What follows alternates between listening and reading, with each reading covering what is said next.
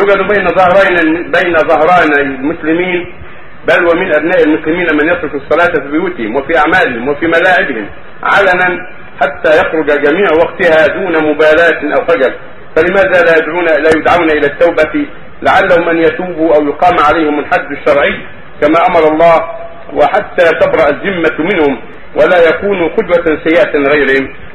لا ريب أن العنايه بالصلاه مهم وأن الواجب على جميع الدوائر وجميع الجهات أن تعتني بهذا وعلى رأس ذلك الحكومة وفقها الله. يجب أن تعتني بالناس حتى لا يضيعوا الصلاة التي هي أمر بالاسلام وتركها كفر.